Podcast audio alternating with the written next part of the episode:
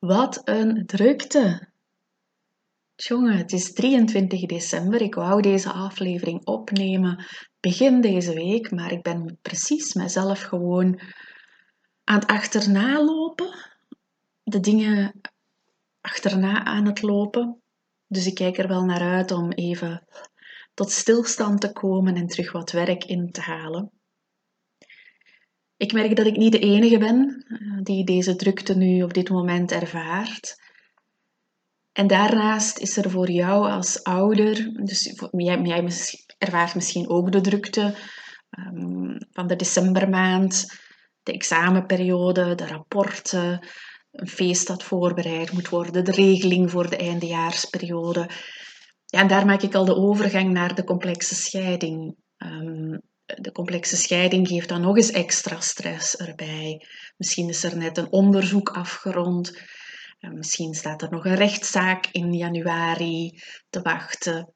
Um, zitting. Dus misschien heeft de andere ouder last minute een, een andere regeling gevraagd voor, voor de komende weken.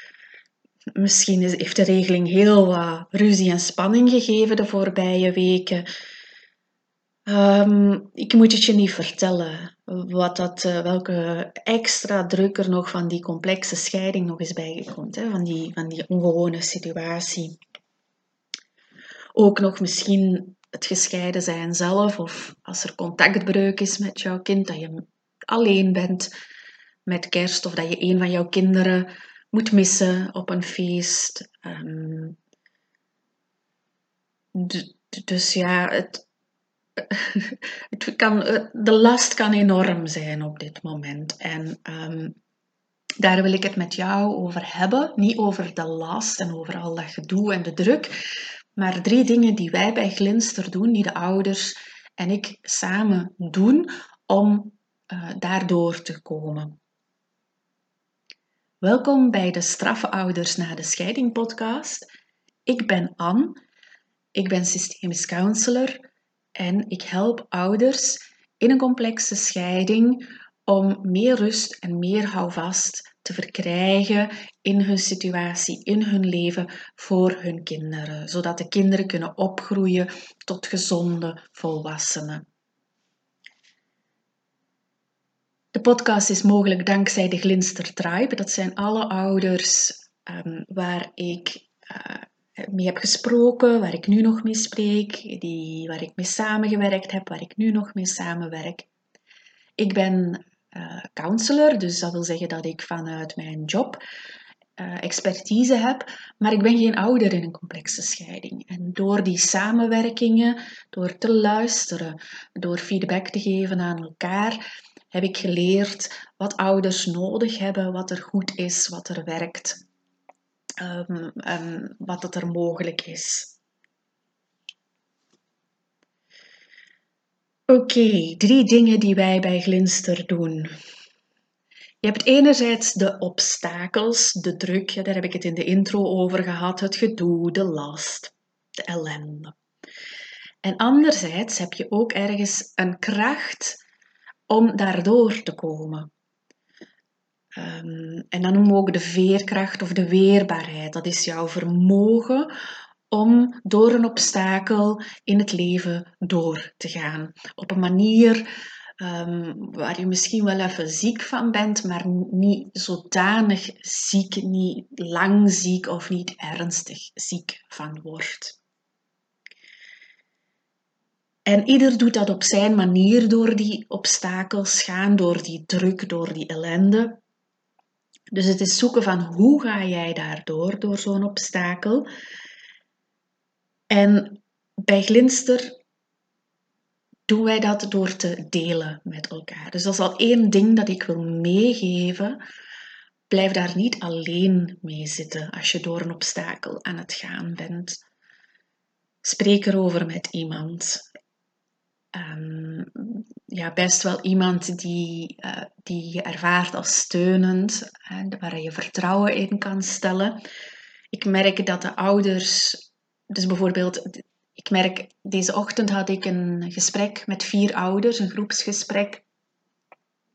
En Ehm, alle vier zitten in lastige situaties, heel wat druk, heel veel spanning en tegelijkertijd geraken ze daardoor op een bepaalde manier. Komen ze daardoor. En ze delen die, dat met elkaar. En naast de verbondenheid die ik dan zie ontstaan in de groep, zie ik ook bij iedere ouder apart dat die veerkracht een tikkeltje sterker wordt. Of een tikkeltje groter of een tikkeltje zichtbaarder. Dat zie ik bij ieder apart. En dan, dan weet ik, oké, die persoonlijke doelstellingen van iedere ouder in die groep, we zijn daarmee bezig. Dus dat delen met elkaar klinkt heel logisch, maar dat is wat dat wij doen en wat helpt. Op die manier ontstaat er niet alleen verandering op weetniveau, want je kan heel veel in je eentje lezen en, en opzoeken, maar door in groep samen te werken ontstaat er iets op ervaringsniveau. Je gaat gaan voelen door de interacties met elkaar, door elkaar te leren kennen, door leer je jezelf ook kennen op een ander niveau, op een gevoelsmatig ervaringsniveau. En dat is veel duurzamer om daar verandering op te bouwen. Dus dat is één ding dat wij doen, eh, delen met elkaar. Een ander ding dat we doen is, wij gaan als de auto uh, recht afstevend op een accident, stel je bent aan het rijden en boe, er komt een accident op jou af. In plaats van um, heel impulsief te reageren, gaan ouders dan even de pauzeknop instellen. Een beetje zoals in de films, zo'n freeze-knop van wat gebeurt er hier? Alles freeze. In het echte leven gaat dat jammer genoeg niet. Dat zou wel een handige knop zijn, de freeze-knop. Wij noemen het bij Glinster de pauzeknop. En um, wij gaan dan heel erg gaan kijken, wat speelt er hier zich af? En we gaan vertragen. En in het echte leven, het accident staat te wachten, ik bedoel figuurlijk. Er is hoge nood en tegelijkertijd gaan we pauze, vertragen. Dat is echt het antigif voor destructieve patronen, om die te gaan doorbreken. Een volgende ding dat we dan doen is, we hebben op die pauzeknop, we zitten daar in die auto, we zien wat dat er allemaal zich afspeelt op dat kruispunt, dat accident dat misschien gaat gebeuren. We gaan spreken met de kinderen in de auto. De auto kan je dan vergelijken met jouw gezin en de kinderen zitten mee in jouw auto. En in plaats van in je eentje te blijven nadenken of te zoeken, ga je kijken, ga je vragen bij jouw kinderen. Wat denk jij daarover? Hoe kunnen we dat oplossen? Wat doen we daarmee? En dat, dat doen wij altijd heel, heel. Dat, dat is echt een. Ja, dat zit er ingebakken bij de ouders waar ik lang mee samenwerk. Die vinden dat vanzelfsprekend. Ouders die pas starten, die hebben zoiets van: huh, moet ik dat nu met mijn kind bespreken? Want ik merk dat er heel wat twijfels zijn bij ouders. Waardoor de ouders niet gaan spreken met hun kinderen. Misschien heb jij dat ook ervaren de laatste weken heel vaak gehoord. Ouders in de begeleiding die zeggen, ja, maar ik heb dat nooit besproken met mijn kind en nu heb ik daar spijt van, want het keert zich tegen mij. er zijn vaak grote betrokkenheden. Hè? Je wil jouw kind niet belasten met, met die strijd, met dat gedoe op de rechtbank. Um, maar kinderen voelen dat sowieso aan allemaal. Um, ze zijn daar toch mee bezig. Uh, je kan dat niet verbergen. Dus is het beter ook om, om lastige dingen te bespreken met hen. En dan een derde, uh, een vierde zitten we al misschien. Uh, we zitten dan, we hebben die op die pauzeknop geduwd. We zien al, we overzien wat dat er gebeurt op dat kruispunt, wat dat er allemaal gaat botsen, wat dat er allemaal gaat clashen. We hebben gesproken met de kinderen. We spreken ook hun um, hun autonomie aan en hun um, daadkracht en hun veerkracht spreken we aan.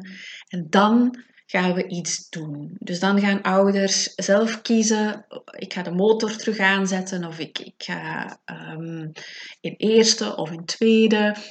Um, en ik merk dat ouders die vanuit die plek actie nemen, dat dat actie is die meer welzijn geeft dan de actie die je zou nemen als je niet op die knop uh, hebt geduwd. Zo was er ook een ouder deze voormiddag en die wou Um, die zat in hoge nood en die wou een actie nemen vanuit die hoge nood, actie, reactie, vanuit pijn, vanuit verdriet. Ik heb daar mijn ervaring als therapeut in zo'n situaties. Andere ouders hebben daar hun ervaring bij. En ze kwam helemaal, er, erover viel haar opluchting en ze kon tot stilstand komen. En ze wist, de actie die ik nu zou willen doen, dat gaat nog meer ellende geven. Dus ik ga eerst eens kijken of ik iets anders kan doen ook. Dat misschien zelfs krachtiger is, omdat het niet de gewoonte volgt.